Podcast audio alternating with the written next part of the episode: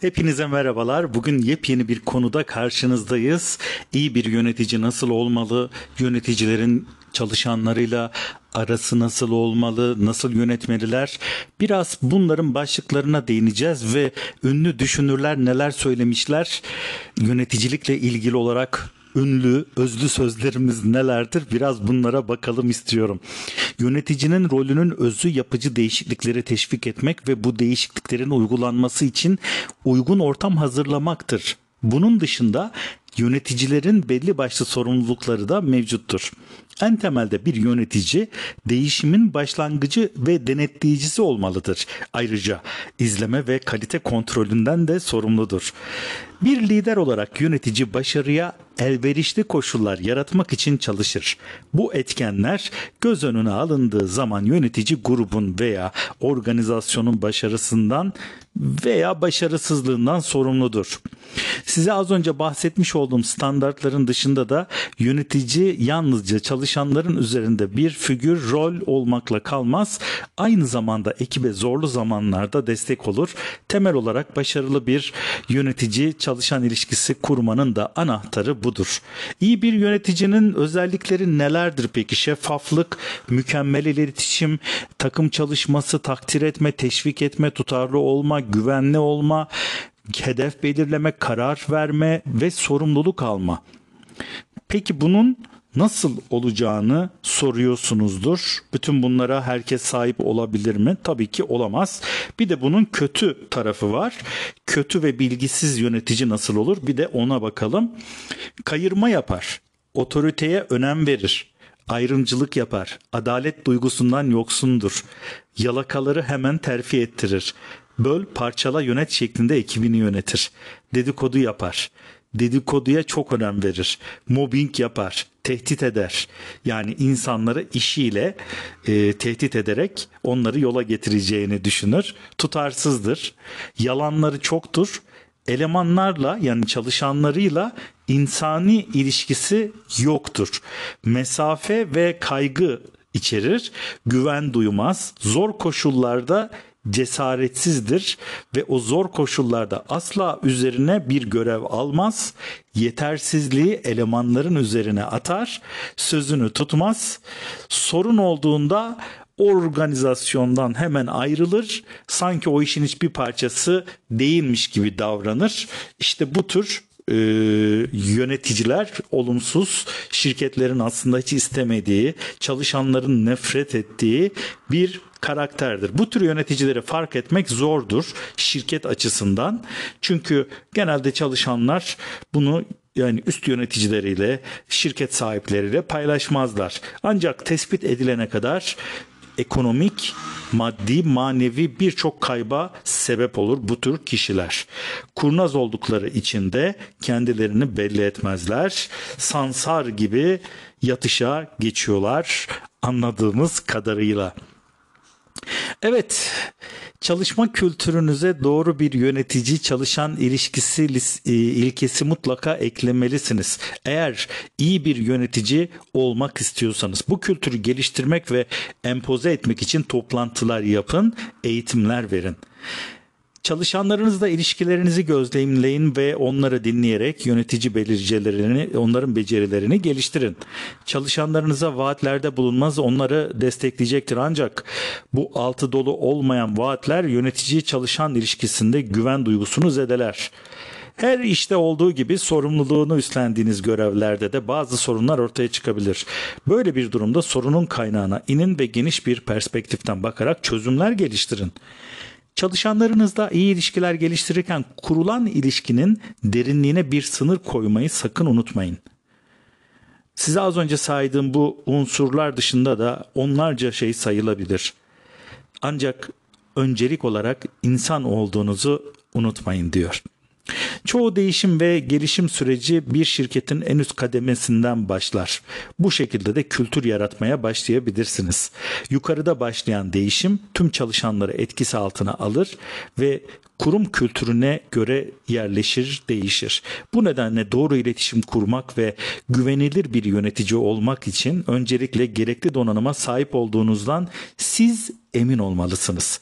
Ayrıca e, alt düzey çalışanlar, orta düzey yöneticiler varsa onların benzer bir anlayışta olduklarından da emin olmalısınız. İş yerinde iyileşmeyi sağlamak ve çalışan mutluluğunu arttırmak için çalışanlarınızı kişisel olarak tanımalı ve genel konularda fikirlerini almalısınız. Aynı zamanda bunun için mümkünse her bir çalışanla birebir görüşmelere zaman ayırmalısınız. Bu çabalar kaçınılmaz olarak çalışan bağlılığını ve başarı motivasyonunu arttıracaktır. Bu görüşmelerde çalışanların ofise gelirken yaşadığı duyguyu ofis içindeki mobilya veya dekorasyon memnun olup olmadıklarını bile sormanız onlarda pozitif bir enerji yaratacaktır emin olabilirsiniz. Aynı zamanda değişim ve gelişim için gösterdiğiniz tabi çabalar hem mevcut çalışanlarınızın sizinle çalışmaya devam etmek hem de size katkıda bulunmak gibi önemli meziyetler sergileyeceğini unutmayın.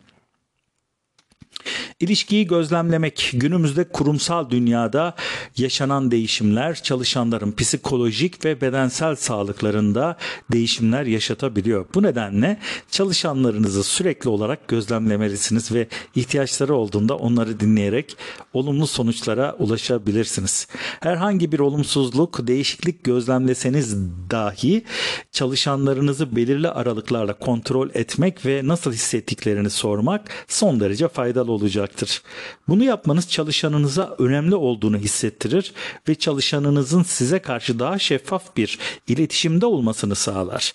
Bu nedenle sizler bu rahat oluşturduğunuz ekip üyeleriyle endişelerini doğrudan e, size ifade etmelerine, kendilerini rahat hissetmelerine bu açıdan değerlendirmenizde büyük fayda var. İş yerinde çalışanlarınız size bir sorunla geldikleri için çözüm önerisinde bulunmanız onları rahatlatacaktır. Ancak bunu her seferinde yapmanız tehlikeli olabilir.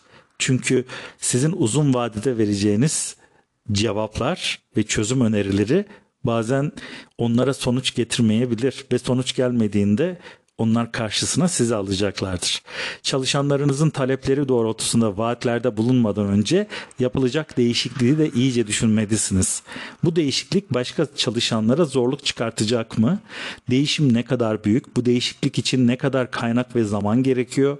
Eğer bu sorulara iş akışını olumsuz etkileyecek cevaplar buluyorsanız ve değişikliğe gönüllü değilseniz bunu açık bir şekilde çalışanınızla paylaşmalısınız. Bazı zamanlar bir çalışanın iş yükü kaldırabileceğinden daha ağır hale gelebilir. Bu yük kişinin özel hayatına yeteri kadar zaman ayıramamasına neden olabilir. Özel hayata yeterince zaman ayıramayan kişiler tükenmişlik ve mutsuzluk hissedebilir. Buna ek olarak bazı çalışanlarda stres belirtisiyle karşılaşabilirsiniz. Bu kimi zaman özel yaşamdan kimi zaman da iş yaşamından kaynaklanabilir. Eğer sorunun iş yaşamıyla ilgili olduğunu tespit ettiyseniz bu gibi durumlarda ipleri eline, elinize almanız sorunla yüzleşmeniz gerekir ve bu sorunu sizin çözmeniz gerekir. Böyle bir durumda karşı karşıya kalındığında bir yönetici olarak daha esnek bir çalışma programı ve görev değişiklikleri daha dengeli bir iş bölümü sağlamalısınız. Aynı zamanda ekibinizden gelen zaman yönetimi önerilerine de her zaman açık olun. İlişkiye sınır koymak ve çalışanlarınızla aranızdaki ilişkiye sınır koymak kişisel ve profesyonel yaşam arasında kurulan denge kadar önemli. Bu nedenle kuracağınız ilişkiye bazı sınırlar koymanız profesyonelliği elden bırakmamanız anlamını taşır. Örneğin bir çalışanınız özel hayatında onu zorlayacak bir dönemden geçiyorsa konuyu fazla irdelemeyin. Bunun yerine çalışanınızın iş hayatında yaşanabilecek olumsuzlukların önüne geçmeye çabalayın. İnteraktif olmayı deneyin. İyi bir yönetici çalışan ilişkisi oluşturmanın en önemli verisi budur. Başarılı yöntemlerden birisidir. Eleştiriye açık olun. Olumlu yaklaşımlar çalışanlarınızın yaşananların aksiliklere çözüm önerileri üretme ve bu fikirleri size sorunları konuşma konusunda teşvik edici olacaktır. İnsanlara güven ve inanç gösterdiğinizde e, onlar size daha da yakın olacaklardır. Şimdi bir araştırma var. Türklere has özellikler diye LinkedIn'den seçilmiş bir konu bu da size saymış olduğum yukarıda hani kötü yönetici vardı ya özellikleri. Dünyanın hemen hemen her yerinde geçerli ama bazı özellikler ülkeden ülkeye daha da belirginleşiyor. Aylin Coşkunoğlu Nazlı Akay'a göre Türklere has yönetim özelliklerini sormuşlar. Nazlı Aka Türk yöneticilerin en olumsuz özelliklerini şöyle sıralamış. Bizler gelenekselciyiz. Türk yöneticiler değişime normalden daha çok direnç gösteriyor. Ben kavramı maalesef ön planda diyor. Bu ikinci husus. Duygusallardır. iltifatı ve pohpohlanmayı severler.